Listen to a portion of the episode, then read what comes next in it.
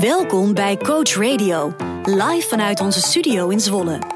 De enige podcast gemaakt voor en door beroepscoaches. Vanuit de Nederlandse Orde van Beroepscoaches, kortweg NOPCO, bieden we je op dit kanaal alle relevante informatie over coaching. Stuur jouw tips en vragen in via podcast.nopco.nl. En voor nu, welkom bij Coach Radio.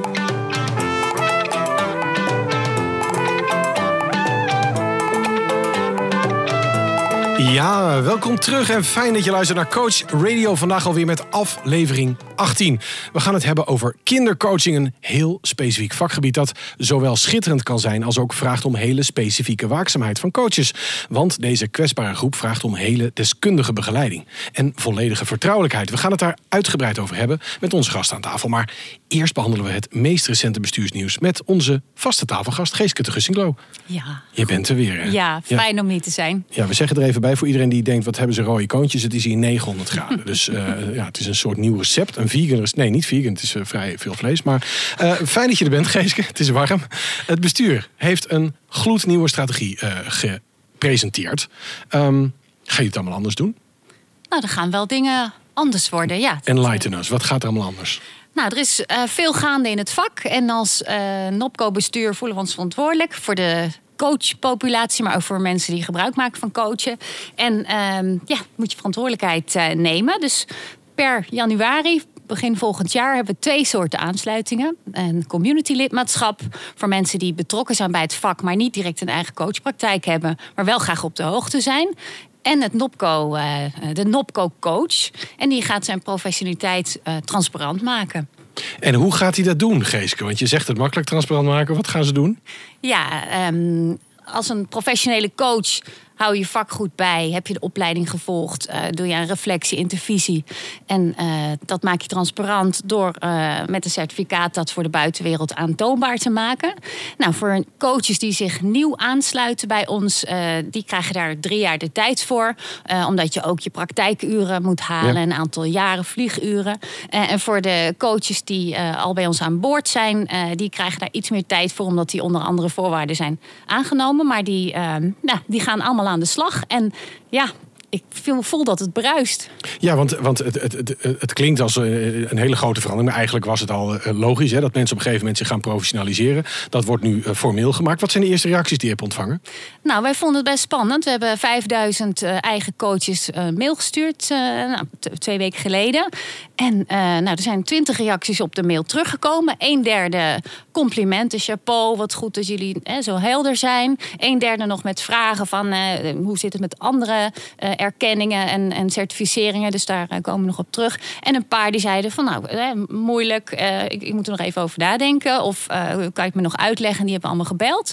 En online was Dus je hebt heel veel mensen gesproken. ja, we hebben een aantal gesproken. En eigenlijk is iedereen toch wel enthousiast in, in tweede instantie. En online alleen maar duimpjes en bericht gedeeld. Dus kennelijk is het toch het goede moment. En dat voelde je ook wel aan uh, om, om dit gewoon nu te doen. Hey, en en er gaat van alles veranderen. Hoe merken aangesloten coaches dus echt concreet wat er gaat veranderen in de dagelijkse realiteit? Is het puur dat certificeren of verandert er meer? Uh, nou, de focus op leren en ontwikkelen zal alleen maar meer worden. Uh, waar ik verandering ook zie, is gewoon in de buitenwereld. Uh, je kent wellicht het coachen van studenten. Hè, Nopco helpt studenten. Ja. En daar zag je al dat bijvoorbeeld de Universiteit van Amsterdam en de Kunstacademie zichzelf uit hebben gesproken. Van ja, wij willen dit aanbod graag aannemen, maar alleen gecertificeerde coaches. Je ziet ook steeds meer bedrijven, steeds meer intermediairs die zeggen: ja, wij willen toch vanuit die verantwoordelijkheid of vanuit aansprakelijkheid graag gecertificeerde coach. En dan, dan gaan er dingen gelijk op. Heel goed.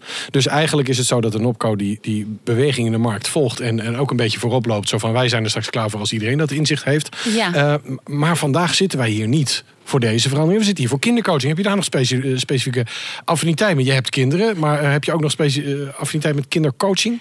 Nee, ik heb inderdaad drie kinderen. En ik, ik, ik, denk dat het heel goed is dat kinderen geholpen worden. We hebben jongvolwassenen, de, de studenten. Dus daar uh, richten we ons op. Maar wel bewust 18 plus. Ook vanwege de, nou ja, de, de aanvullende criteria die gelden. En uh, het is iets wat gaande is. Uh, bij NOPCO uh, richten we ons met het Competence Framework op volwassenen. Dus in die zin uh, is dit iets wat daar net buiten valt. Maar daarom ook heel goed om met elkaar te kijken, wat vraagt het dan? Ja, en, en los van het Competence Framework is, er ook de internationale ethische code. Die heeft het wel gewoon beschreven. We, we hebben ook heel veel kindercoaches onder onze, onze leden. En we hebben een fantastische kindercoach vandaag aan tafel. Maar eerder deze week sprak ik alvast met Marloes Faber. Zij is expert uit de jeugd GGZ. Maar ze kon helaas niet live aanschuiven vandaag. En daarom namen we het gesprek op in mijn thuisstudio in Drachten. Marloes, van harte welkom. Kun jij ons in één minuut schetsen binnen welk vakgebied jij de afgelopen 15 jaar allemaal ervaring hebt opgedaan? Ja, dankjewel. Ja. Ik uh, ben, nou, denk 14, 15 jaar geleden begonnen in de, uh, bij Bureau Jeugdzorg. Dus in, de, in de jeugdhulpverlening.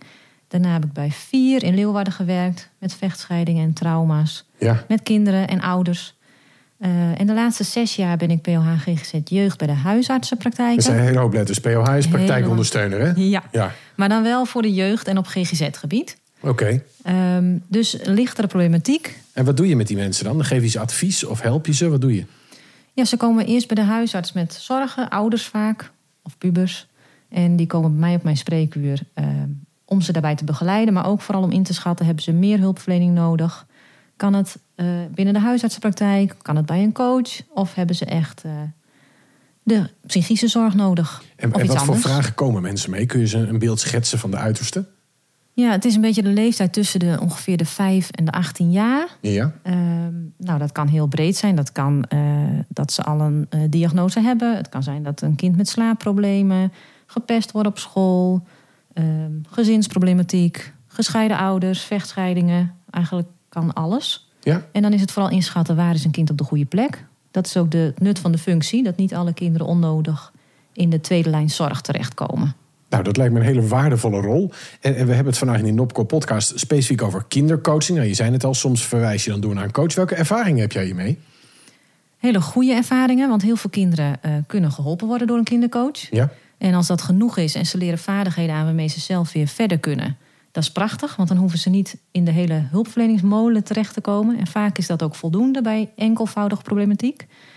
Um, er kleeft wel een risico aan, want als er meer nodig is, is dat wel echt nodig. En moet je niet te lang aanpappen als coach, denk ik. Ik heb zelf ook de kindercoachopleiding gedaan, omdat ik die coachende rol heel graag vast wil houden. Mhm.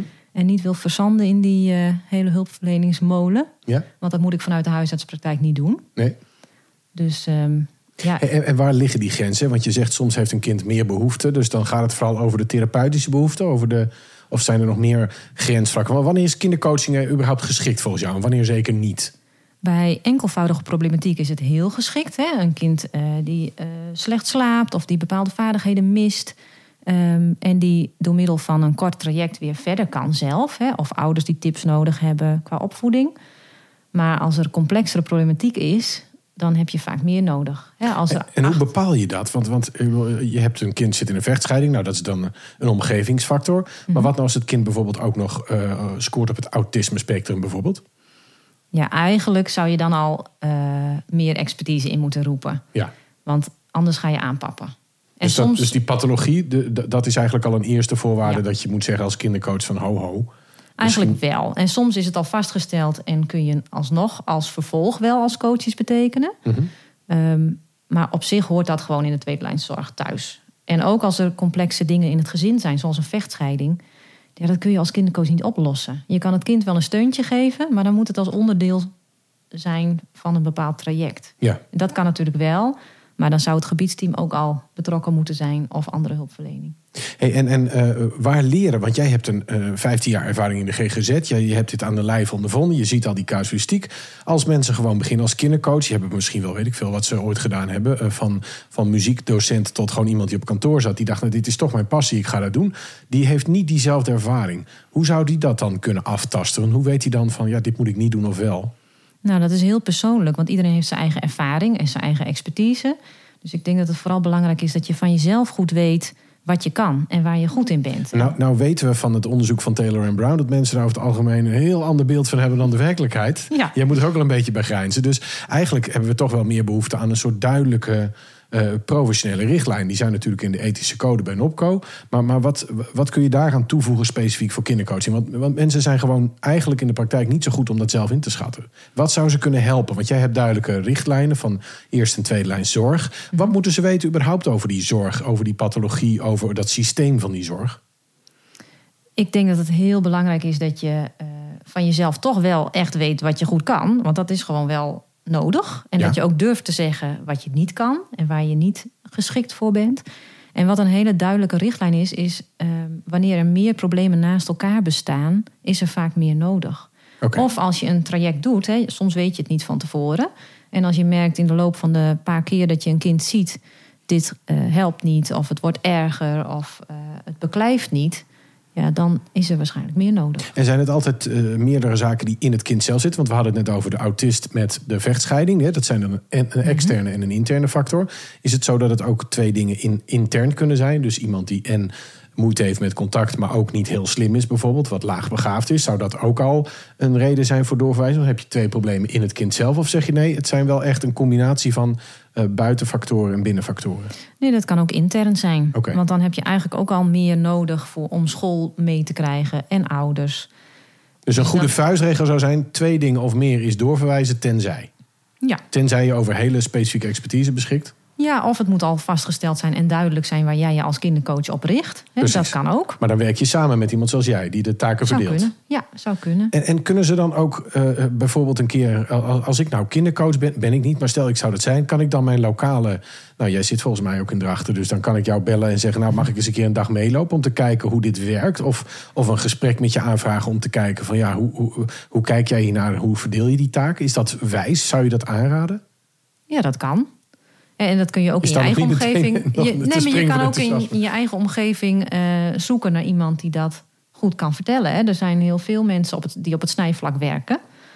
Ja, maar sommigen hebben hetzelfde probleem als wat we net bespreken, dat ze het eigenlijk niet zo goed weten. Dus waar vinden we de mensen die echt competent zijn om te, be- te beslissen of er meervoudige problematiek is?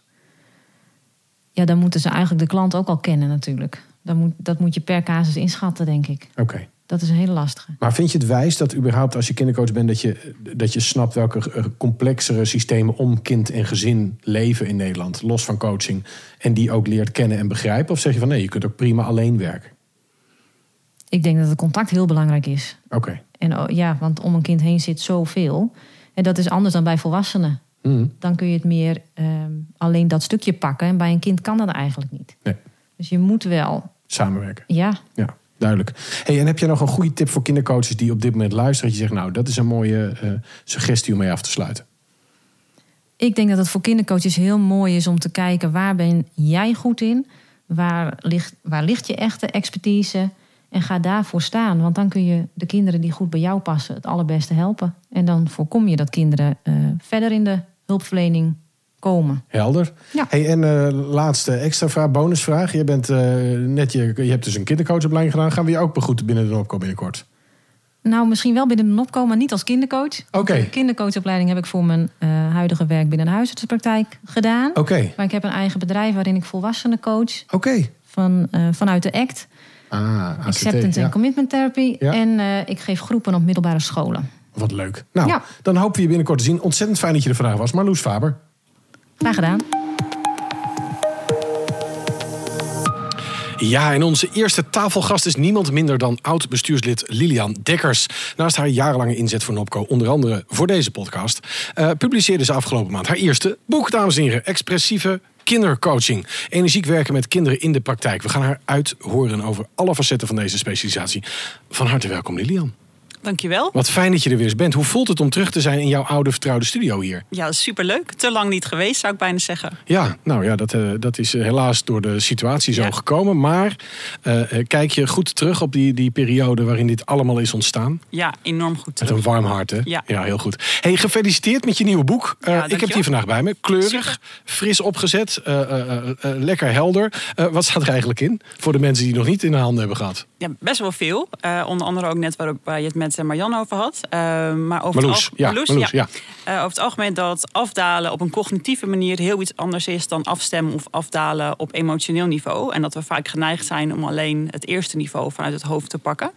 En bij Eh, kinderen is dat voornamelijk emotioneel. Bij kinderen is het voornamelijk emotioneel. Dat er een heel systeem aan een kind vastzit. Dus dat een kind nooit alleen komt als het een hulpvraag heeft of als de ouders een hulpvraag hebben. En dat er een hele grote kans ligt om eh, kinderen emoties te laten uiten en daar ook mee te laten spelen en mee, eh, eh, mee te experimenteren dan alleen maar met woorden te laten uiten. Ehm, of met behulp van een cognitieve benadering bijvoorbeeld. Dus er ligt nog een grote onbenutte kans in het ontdekken van de mogelijkheden van expressief. Hey, en nou, nou ken ik jou als expressief mens. Wat is het expressieve? Hoe komt dat expressieve terug in die kindercoaching? Ik zocht een term dat de lading dekte dat zowel emoties aan orde komen en uh, vrijuit geuit kunnen worden, als wel uh, het creatief bezig zijn en de creativiteit gebruiken. En voor mij zit dat in expressie en expressiviteit. En dat is puur gebonden doordat jij zo bent, of heb je dat later verzonnen? Nou ja, ik denk zo binnen, zo buiten. Dus waarschijnlijk zal het een combinatie zijn van beide. Heel goed. Hey, en en uh, jij zit hier vandaag, je hebt van alles gedaan binnen de organisatie van Nopco, maar, maar je bent zelf van oorsprong kindercoach. Was je al heel lang voordat jij daar ooit Ja. was. hoe ben je er ooit mee begonnen? Was je, had je zoiets van, ja, die kan ik handelen makkelijk? Of, of vind ik juist superleuk? Of hoe zat dat? Nou, heel eerlijk ben ik ermee begonnen na een schop onder mijn kont van Maarten. Maarten is mijn, mijn man. Ehm, ik kom officieel uit de zwemwereld en eh, daar heb ik officiële coach en trainersopleidingen gedaan. Eh, en via de creatieve therapie, muziektherapie, belandde ik eigenlijk in speciaal onderwijs. Toen nog eh, SMOK, zeer moeilijk opvoedbare kinderen.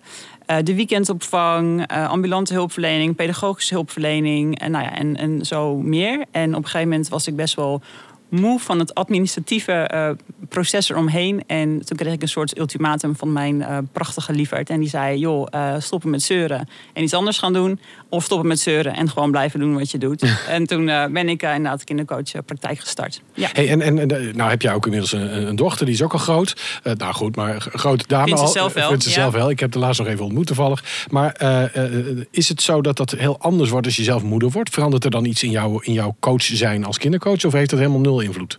Dat heeft zeker wel uh, invloed. Uh, mensen vroegen bijvoorbeeld voorbaat al... zet je nou trucjes in bij uh, Julijn? Onze dochter heet Julijn. En dan zei ik, wat bedoel je dan met trucjes? Ja, van die handigheidjes. En ik denk, ja, dat denk ik wel. in mijn omgang met kinderen zal, doe ik dat. Dus waarschijnlijk ook met mijn kind. Um, maar ze beginnen nu pas in de leeftijd te komen... dat um, coachtechniekjes ja, zin hebben of aankomen. Ze is nu net vijf geworden. Dus dat is, begint nu een beetje te komen dat ik er op die manier positief kan manipuleren. Ja. leuk. Hey, en, en wanneer ben je nou als coach eigenlijk goed genoeg? Hè? Want, want het is een kwetsbare doelgroep. Het is aan de ene kant heel spannend om je er als coach aan te wagen. Tegelijkertijd is het heel belangrijk dat het gebeurt. Dat hoorden we ook van Marloes. Het kan ongelooflijk waardevol zijn. Uh, zij had dan als stelregel die enkelvoudige problematiek.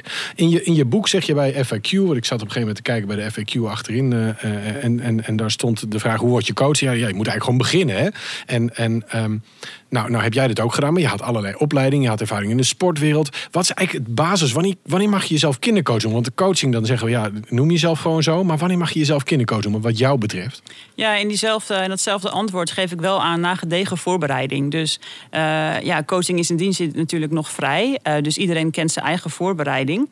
Um, maar ik vind dat kindercoaches misschien nog wel meer dan bij coaching van volwassenen zich moeten bekwamen in um, ja, de reflectie op zichzelf. Dus uh, kinderen spiegelen alles. Uh, dus er is heel belangrijk dat je weet wat van jou is, wat, wat in je eigen rugzak zit en hoe je daarmee omgaat. Um, om ook tegen, ja, overdracht en tegenoverdracht te voorkomen. En dat je gewoon heel bewust weet wat je triggers zijn om ja, daarmee om te kunnen gaan binnen de coaching met kinderen. Want ze gaan je erop ja, triggeren. Moet je kinderen eigenlijk heel leuk vinden? Want op een gegeven moment had je taarten van Abel met die Simon, die kerel die, die bakt taarten met kinderen. Hartstikke leuk programma. Dan denk je, nou, die is een meester, die heeft helemaal niks met kinderen. Moet je kinderen leuk vinden? Is dat een voorwaarde? Nou, nee, dat denk ik niet. Ik denk dat je, als je ze heel erg objectief kunt bekijken, misschien is dat wel uh, een, een, kans. Misschien is dat, heeft, geeft dat nog wel meer potentie. Weet ik niet. En voor expressieve kindercoaching, zit daar dan nog verschil? Is het dan wel blij dat je erin op kunt gaan? Nou, dan is het wel leuk als je begrijpt hoe kinderen een, uh, een activiteit kunnen aanvliegen. Hè? Dat je ook ze kunt helpen het opstarten. Of dat je ze mogelijkheden kunt bieden of ze kunt uitdagen in de activiteit. Dus dan is het wel handig als je zelf nog een groot innerlijk kind hebt, zeg maar. Oké, okay, dus dat, dat is of toch die wel kunt een, aanzetten of aanspreken. Jelle die doet ook even gezellig mee. Jelle? Nou, ik, ik ben zo nieuwsgierig wat je vertelt over dat expressief, expressieve coachen. Dat je kinderen um, dingen laat doen. Dus dat kan muziek zijn, dat kan beeldend zijn, denk ik. Dat kan misschien met drama. Ja. Eh, Als creatief Ja. therapeut weet jij dat maar al te goed. Hoe voorkom je nou die valkuil dat, dat, dat die expressie een afleidingsmanoeuvre wordt van het kind? We hebben het er altijd achteraf nog wel steeds over. Dus het is een eh, heel gerichte opdracht richting hulpvraag van kind. Eh, dus we, ik heb echt aanbod dat ik dan ja, vertaal naar de, de hulpvraag of de hulpvraag van de ouders van het kind. Mhm. Ik stem ook altijd af of het kind daar, daar wel mee eens is. Want het kan Ja. best zijn dat ouders zeggen: eh, Ik wil dat mijn kind hier aan werkt, maar dat kind er eigenlijk geen last van heeft. Nou, dan de, de kind heeft de leiding. verlies ik al de noodzaak van Ja. de coaching. Dus ik moet op zoek naar waar zit de ingang bij het kind en hoe ervaart het kind last van eh, Mhm. ja, waar, die, waar hij of zij voor komt. Ehm, en vaak, ik maak eigenlijk altijd ik met een moodboard maken. Gewoon knippen plakken eh, om te zien hoe gaat een kind om met een opdracht. Wat gebeurt er als hij plakt? Wat gebeurt er als het niet lukt met een plaatje? Gewoon om al in te kunnen schatten van hey, hoe gaat hij om met materialen, maar ook hoe gaat hij om met zichzelf? Wat gebeurt er als hij zich tegenkomt eh, binnen zo'n opdracht?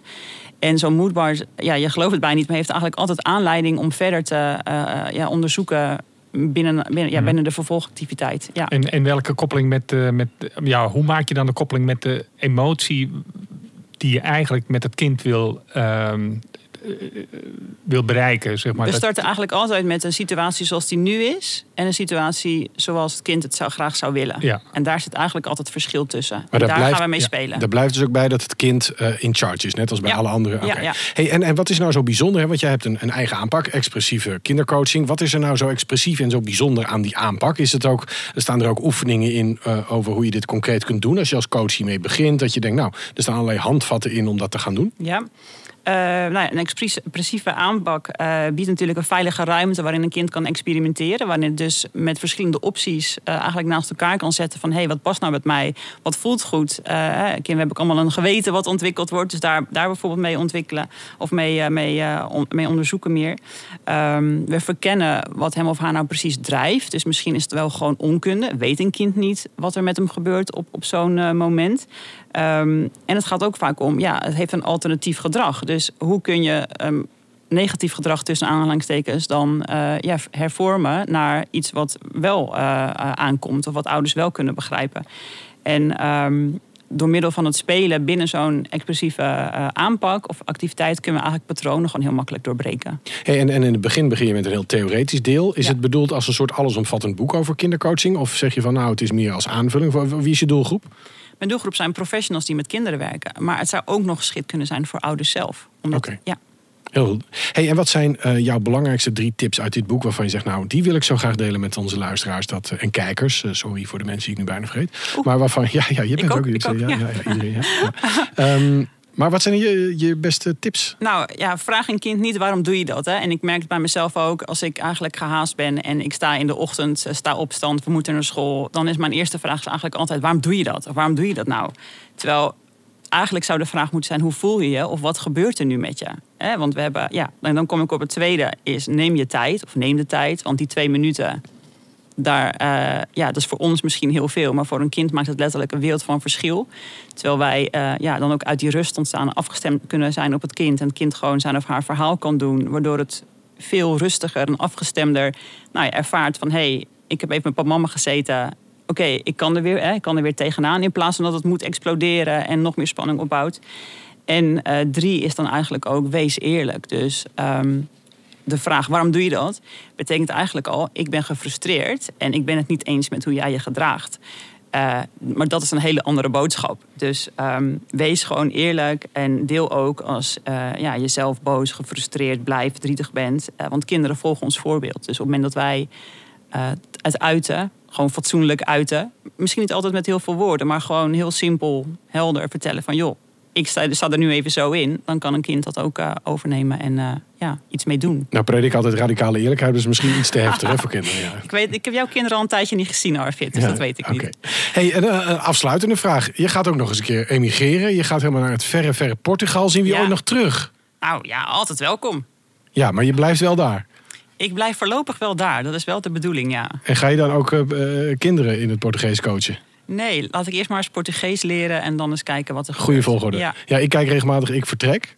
En Ja? mensen die dat niet doen, dan gaat het bijna altijd wel heel stroef. Ja, Je hebt wel besloten de taal te leren. Ja. En, eh, en- maar je gaat dus even stoppen met je werkzaamheden. Eerst helemaal integreren en dan... Ja. eh, en eh, hoe ga je dit boek dan verder begeleiden? Wie, wat ga je er allemaal mee doen? Want dan, hier is het boek, doei, tot Ja, ziens. het is eigenlijk nog een grote verrassing. En ehm, ja, ken uzelf is in de coachwereld natuurlijk eigenlijk niet voldoende. Het is ook wees jezelf. Want op het moment dat je jezelf kent, dan pas je misschien niet eens toe wat je van jezelf weet. Dus eh, wees jezelf is een belangrijke. En ik denk dat het fijn is om eh, eerst ook eens te gaan spelen met het boek. Dus ehm, wat gebeurt er in, in het vervolg? I don't know. Nou, hey, ontzettend bedankt dat je hier was. Dankjewel voor alles eh, voor Dopco, het opstarten van de podcast en jouw mooie boek Expressieve Kindercoaching. Energiek werken met kinderen in de praktijk. Lilian Dekkers. Ja, en dan is aangeschoven, dames en heren, Sascha Loeven. Eh, niemand minder dan. Die na een succesvolle carrière als jurist jaren geleden de overstap maakte naar coaching. Ze is als senior practitioner aangesloten bij Nopco, maar specifiek ook actief in de commissie klachtbehandeling. En vandaag is ze hier om ons bij te praten over de gevaren van kindercoaching. Want die zijn er ook, los van het feit dat het heel leuk is. Aan de hand van een casus van een aantal jaar geleden. Fijn dat je er bent, Sascha. Dankjewel, Arvid. Ontzettend leuk dat je er bent. Jij bent van heel ver gekomen, hè? Ja, Heemstede. Dus Heemstede. eh, anderhalf uur rijden. Ja, dat is ergens eh, heel ver hier vandaan. Ehm, hoe is het eigenlijk om in de commissie klachtbehandeling te zitten? Want dat klinkt heel officieel en spannend. Ja, nou, het is eh, best heel officieel. Dat, ik vind uh, klachten moeten heel zorgvuldig behandeld worden. Dus dat is echt met procedures uh, die we heel strak volgen. En we gaan ook heel zorgvuldig om met ingediende klachten. Maar het is vooral ook heel erg boeiend, vind ik. En het sluit natuurlijk enorm goed aan bij mijn achtergrond. Want als juriste ben ik al heel actief betrokken geweest bij klachtbehandeling en bezwaarschriften en dergelijke. Ja, dat heeft natuurlijk toch een link met de klachten binnen uh, Ja. coachland. En daarnaast ben ik coach, dus ik kan dat heel mooi combineren. En op deze manier ook een eh, bijdrage leveren aan het coachvak. Want ja, we kunnen leren van onze eigen eh, fouten of vergissingen of onhandigheden. Maar ook van die van Stiekem van die anderen. Ja, dat, is zelfs, eh, dat scheelt je een hoop gedonder ook. Ja. Als het je voor die tijd lukt. Hey, zou je ons mee willen nemen in de casus die je hebt meegebracht vandaag? Want eh, even voor de goede orde, er zijn er meerdere. Hè? Er zijn meerdere eh, die specifiek over kindercoach gingen. Daarom vonden we het ook relevant om jou vandaag te laten aanschuiven. Ja. Maar je hebt er eentje even uitgelicht. En die staat ook op de website als het goed is. Hè? Ja, ze staan volgens mij allemaal op de website, maar Ja. deze staat er zeker ook op. Ja, het gaat eigenlijk over een eh, gezin waarvan de ouders in scheiding liggen met twee jonge kinderen van 7 en 9 jaar. En onderdeel van eh, het traject. eh, het traject was eigenlijk bedoeld om de communicatie te bevorderen tussen de ouders eh, onderling en tussen de kinderen en de ouders. En om op die manier tot een goed ouderschapsplan te kunnen komen. En onderdeel daarvan was dat ook de kinderen apart gehoord zouden worden. Dat was ook kort gesloten met ehm, de ouders. Nou, de coach die eh, heeft het gedaan en eh, heeft aan de oudste dochter ook gevraagd van... goh, heb jij er bezwaar tegen als ik informatie uit dit gesprek deel met jouw beide ouders? Nou, en dat meisje gaf meteen aan dat ze daar bezwaar tegen had. Dat wilde ze niet. Nou, die coach heeft het daar niet bij laten zitten en die heeft de vraag later nog een keer gesteld. Waarbij ze ehm, het kind probeerde te overtuigen om toch toestemming te geven om informatie te delen. Want ze had tegen het kind gezegd: En als het nou eh, de communicatie eh, van jullie gezin ten goede komt, zou je dan wel die toestemming willen geven? En we hebben het hier over kinderen van 7 en 9 jaar. Ja, dus, dit meisje was negen jaar. Volgens mij was het een meisje. Eh, erg jong inderdaad. En toen heeft ze uiteindelijk daarmee ingestemd onder bepaalde voorwaarden. Wat die voorwaarden zijn, dat kon ik niet terugvinden in de uitspraak. Dus dat weet ik niet. Vervolgens heeft eh, de coach dus daadwerkelijk heel veel informatie uit de gesprekken met de kinderen gedeeld met beide ouders, de vader en de moeder.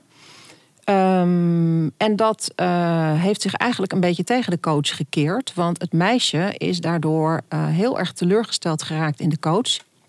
En die heeft haar vertrouwen in de coach verloren, al dus de moeder. Wat dan een van de partijen is. Ja? Ja, en dat is ook degene die de, zij is ook degene die de klacht heeft ingediend, De de moeder, moeder. ja. Ja, eh, want ja, zij zegt, ze heeft nu geen vertrouwen meer in professionals. En dat is heel erg voor haar en voor de kinderen en voor ons gezin. Want we hebben juist samenwerking met professionals nodig. Dus dat is waar de klacht over ging. Eh, het verweer van de coach eh, was eigenlijk dat de moeder steeds akkoord is gegaan met de aanpak. Dat de coach ook een standaard werkwijze heeft gehanteerd. die gold bij een groep van hulpverleners. op het gebied van het begeleiden van gezinnen bij echtscheidingen. Mhm. Ehm, en dat de, de dochter uiteindelijk ja gezegd had. nadat ze aanvankelijk nee gezegd had. Nou, de commissie eh, heeft deze zaak eh, heel zorgvuldig bekeken. Ik was toen nog geen lid van de commissie, maar ik heb de uitspraak gelezen. Ja, wat, wat- inderdaad, je hebt deze uitspraak dus niet gedaan. Even Nee. voor alle mensen die daar eh vragen bij hebben. Maar wat kun je dan, dan is het eigenlijk lekker onafhankelijk dat je hem kunt lezen. Wat, blijkt er dan voor jou uit? Wat, wat valt je op in die uitspraak? Nou, in die uitspraak zegt de commissie eigenlijk... die vestigt de aandacht op de uh, internationale ethische code... en die zegt, vertrouwelijkheid is altijd het uitgangspunt... tenzij je wettelijk verplicht bent als coach om informatie te delen. Nou, dat is slechts in hele uitzonderlijke Ja, kun je ze gevallen. een voorbeeld noemen? Wanneer is, dat, wanneer is zo'n uitzondering wel legitiem? Ja, daar hadden we het net al even over onderling. Ja, dat is bijvoorbeeld als je in een rechtszaak eh, als coach wordt betrokken... en de rechter ontheft jou van jouw eh, geheimhoudingsplicht. Precies. Of als er sprake is van eh, een dreigend misdrijf of iets dergelijks. Echt hele uitzonderlijke Zwaarwegend, gevallen. op crimineel neigend of door de rechtbank goed. Ja. Dus niet iemand die gewoon informatie vraagt... of Nee. een bezorgde ouder of wat ook maar. Dat, Nee. Dus niet aan jouw eigen oordeel dan. Nee, zeker niet. Heel duidelijk. En de ethische code zegt ook nog eens een keer extra dat eh, kwetsbare volwassenen en kinderen eh, ook recht hebben op eh, privacy en geheimhouding en vertrouwelijkheid. En dat er dan in die gevallen vooraf met verzorgers of ouders expliciete afspraken gemaakt moeten worden over hoe we daarmee omgaan in een bepaalde situatie. En waren die in deze volgens jou zo specifiek gemaakt? Nee, er waren niet echt duidelijke afspraken gemaakt. Voor zover ik dat kon terugvinden in de casus. Ehm, vervolgens zegt de commissie, eh, door aan te dringen, heeft de coach een situatie gecreëerd waarin niet met zekerheid gezegd kan worden dat het kind in vrijheid een eigen afweging heeft kunnen maken. Dat is wel heftig. Ja, Ja. dat is eh, behoorlijk heftig. Eigenlijk wordt er gezegd, het kind eh, is onder druk gezet. Ja. En ja, in hoeverre heeft dat kind dan eh, daadwerkelijk ja willen zeggen? Terwijl ze uit, in het begin nee had gezegd. Ja. Ehm, de afspraken zijn niet vastgelegd eh, of gecommuniceerd... zodat niet duidelijk is of de dochter toestemming had gegeven. En zo ja, waarvoor dan? is geen overeenkomst, geen notulen, niks. Nee, niks. Geen verslag gemaakt, niks. En de coach heeft ook eigenlijk niet volgens de vaste procedure gehandeld... waar ze zichzelf eh, gebonden aan achten. Want daar is ze heel vrij mee omgegaan. En hoe kan het nou zijn dat iemand die dan een professional is... dat ongetwijfeld met de beste bedoelingen doet... in zo'n valkuil stapt? Want dit is een...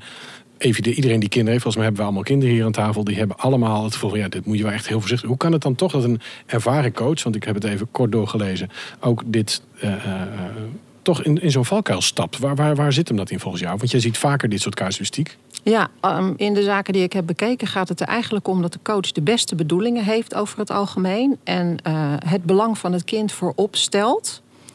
En wellicht toch wat emotioneel betrokken is geraakt. En daardoor het boekje te buiten is gegaan in het belang van het kind.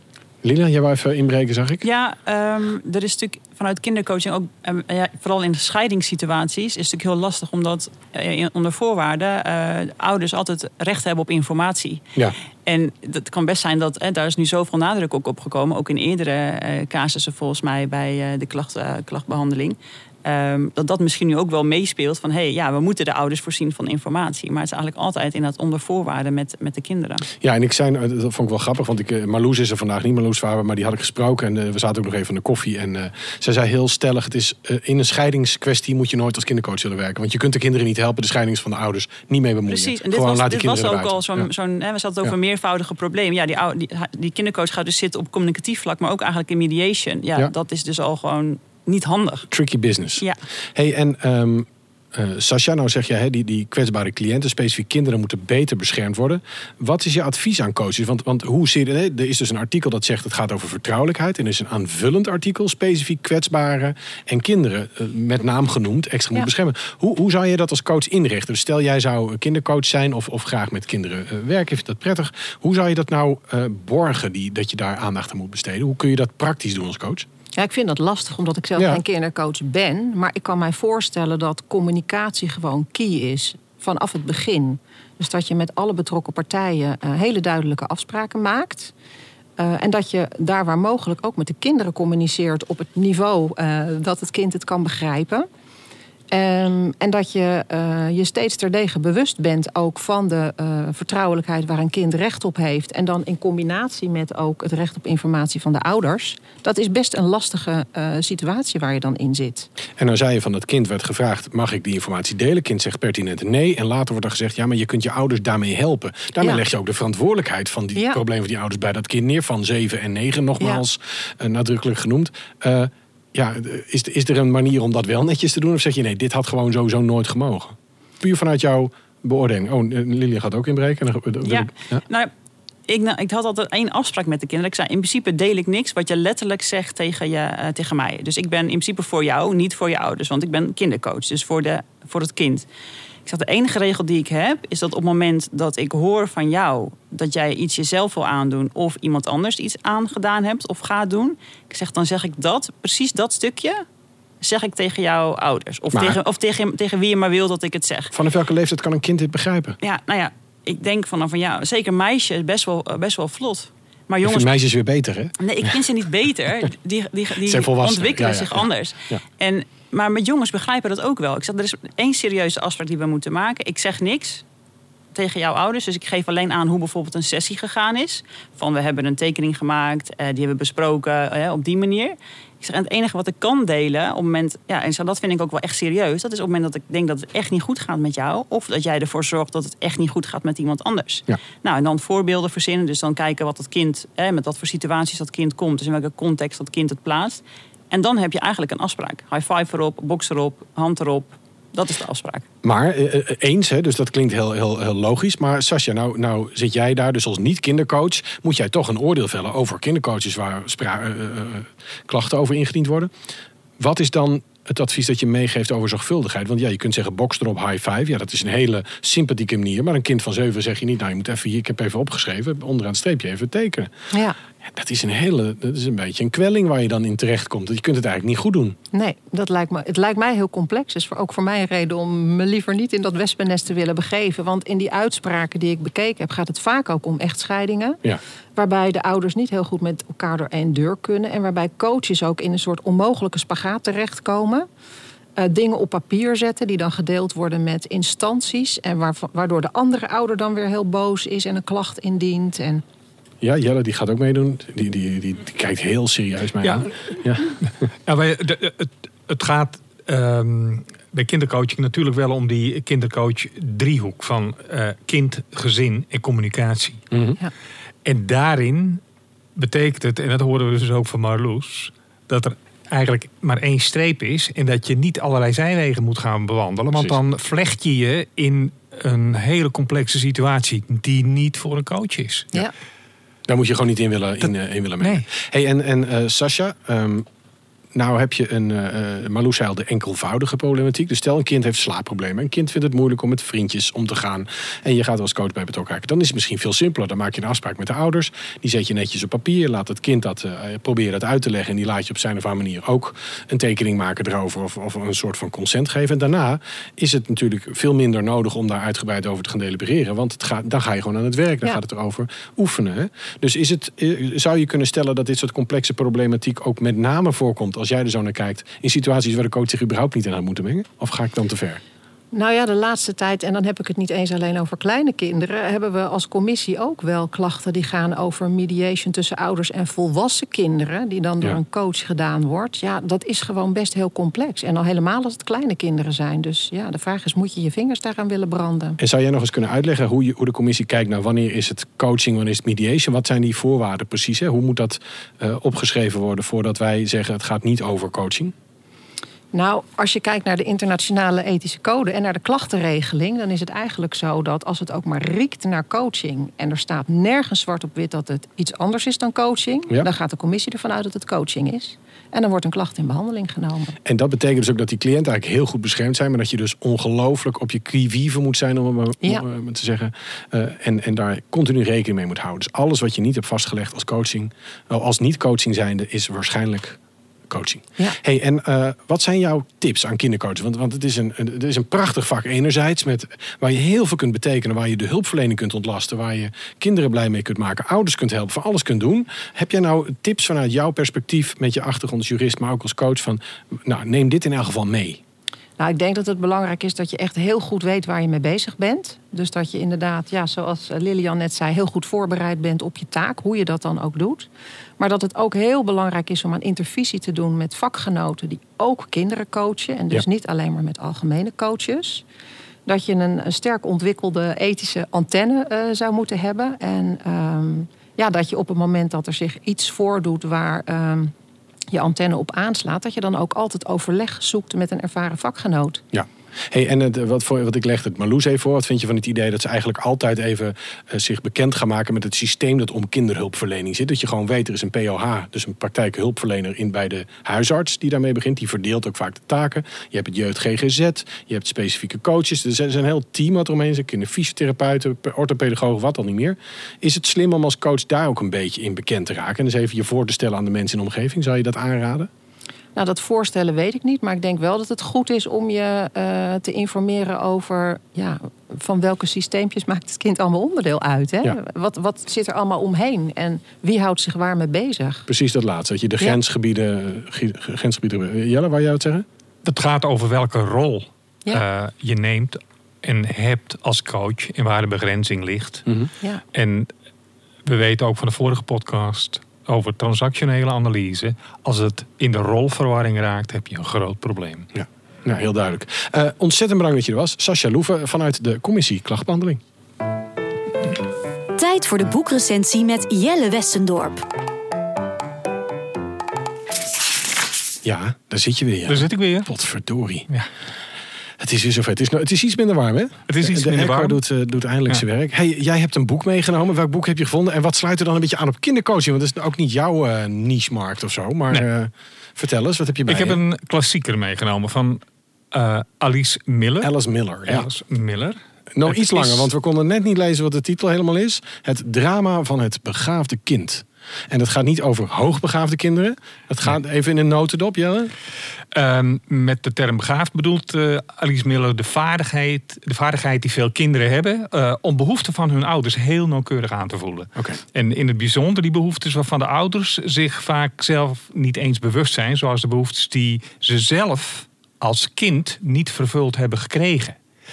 En die behoeften, die hebben de ouders nog steeds. En zo eh, kan dat kind daar heel sterk op aanhaken. Dus elk kind is op die manier gewoon begaafd. En dat schept een hele grote verantwoordelijkheid voor ouders en opvoeders, maar dus ook voor coaches, om het kind de kans te geven contact te maken met de eigen emoties. En zo eh, ja, zijn eigen zelf te ontwikkelen. En, en, en al deze kinderen, wat het dus alle kinderen op aarde zijn, hebben die allemaal specifiek baat bij kindercoaching? Of is er een specifieke doelgroep waarvan je zegt, nou, die kan wat hulp gebruiken van die kindercoaches? Ehm, ja, waar kindercoaching eh, baat bij heeft, is, is te realiseren dat heel veel kindgedrag voortkomt uit specifieke mechanismen. Een kind zoekt altijd naar vrije ruimte om zich te ontwikkelen zoals het is. Eh, het zoekt emotionele wederkerigheid. Eh, het wil gespiegeld worden. Als het kind wordt beperkt, zoekt het andere middelen om te krijgen wat het nodig heeft. En in de basis is dat altijd die onvoorwaardelijke liefde, aandacht, respect, gezien worden. En dat begint al met die bonding tussen moeder en kind direct na de geboorte. Je zou kunnen zeggen, het is al tijdens de zwangerschap. En ehm, Dus eigenlijk gewoon de, de ouderwetse hechtingstheorie de komt helemaal hechtings- terug. Die eh. komt in feite terug. Er wordt letterlijk niet over gepraat, maar je leest het er gewoon dwars doorheen natuurlijk. En als die verlangens eh, niet worden beantwoord, eh, voelt het kind zich geminacht. En dat gaat zijn ware gevoelens onderdrukken en verdringen. Want ja, die denkt van ja, blijkbaar mag ik deze gevoelens niet hebben. Omdat de ouder daar niet op, op aantikt. Mhm. Dan is het van groot belang dat de kindercoach weet waar die grenzen liggen van die begeleiding. Ook hier weer lees ik dat in het boek van eh, Miller. Hem, eh, ja, zoals we al eerder gezegd hebben, Marloes zei het gewoon glashelder. Enkelvoudige problematiek kan die coach doen. Maar meervoudige problematiek is het werk van een therapeut. En een coach, een coach eh, begeleidt en een therapeut heelt. Ja, maar Loes zei wel, van als, het, eh, als de therapeut en de artsen zich hebben ge- gekeken naar het hele systeem, kan een coach prima een rol Die daarin kan een rol daarin maar dan spelen. Moet het, En dan dan is diegene bekend met Ja. het hele systeem. En dan weten ze van elkaar van nee, dit is jouw stukje. Ja, heel goed. Ja. Oké. Ja. Hey, en en eh, er luisteren allemaal coaches, waaronder een deel kindercoaches. Wat zijn de belangrijkste lessen uit het boek van Alice Miller waarvan je zegt, nou, die zijn zo concreet, die kunnen we Nou. zeker meegeven? Ja, dat een noodlijdende ouder onbewust eigenlijk het kind beschouwt als beschikbaar. Dat is een heel hard woord, maar dat, dat raakte mij. Dat Ja. beschikbare kind.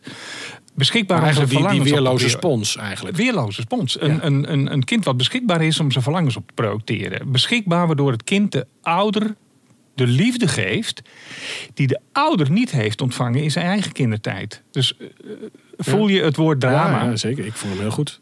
als, eh, alles wat, het, wat een ouder, eh, wat het hem heeft ontbroken in de kindertijd, kan door die ouder eh, eigenlijk onbewust verlangd worden van zijn, van het zijn eigen kind. kind, Ja, ja. Want het eigen kind moet dan geven wat hij zelf tekort is gekomen. En die liefde en aandacht die er niet is geweest van de ouders, van de, dus eh, van de moeder en de vader, kan vaak onbewust opgeëist worden van hun kind.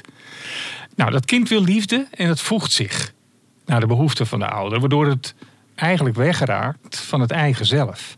En eh, dat, dat zelf, dat is het, als, het, als dat contact wegraakt, dat, dat is het verliezen van het contact eh, met de eigen ware gevoelens eh, en, en, en de behoeften. En dat ook niet meer kan uitleggen wat hij nodig heeft. En daarom is het zo belangrijk dat dat contact met die emoties wordt, wordt, wordt gelegd, zoals Lilian ook vertelde. En dat, het kind ontwikkelt zich dan zoals het moet zijn volgens de ouders. En dan voelt eigenlijk het kind zich geminacht. Want dat mag niet zijn eh, wie het is. En dat gaat als volwassene zijn tol eisen. En dat, zoals Miller dan zegt, dat kan tot grootheidswaan leiden of depressie. Dat zijn dan, zoals zij noemt, de, de, de twee vormen van eenzelfde stoornis. Dus kunstenaars of CEO's worden het dan een beetje. In jouw Dus woorden. Het is ook wel ergens goed voor. Ja, ja het, het kan iets opleveren. Maar laat die kunstenaar en die CEO Ja, ook, weten waar hij vandaan komt. Hè? En, Ja. en, en wat zijn, zijn, zoals Martin Appelo zegt, wat zijn oersoep is. Ja. Eh, dus in feite, en dat voelde me net al zo sterk aan toen ik het had over het woord drama. Er eh, ontstaat een, een, een, overerving van destructiviteit van ene generatie op de andere. Die eigenlijk pas opgeheven kan worden door emotionele bewustwording. En als je daar als kindercoach al heel vroeg mee kan beginnen. En dat, dat, dat zaadje al plant van dit is voor jou belangrijk kind. Is dat natuurlijk voor het latere leven van het kind echt ongelooflijk belangrijk. En eh, de, die ketting van, van, van macht, discriminatie, eh, minachting, ja, die, die moet doorbroken worden. Dat kan in feite alleen als het kind ons kan laten inzien welke fouten wij als ouder gemaakt hebben. En waarmee, ja, waarmee we hen gekwetst hebben.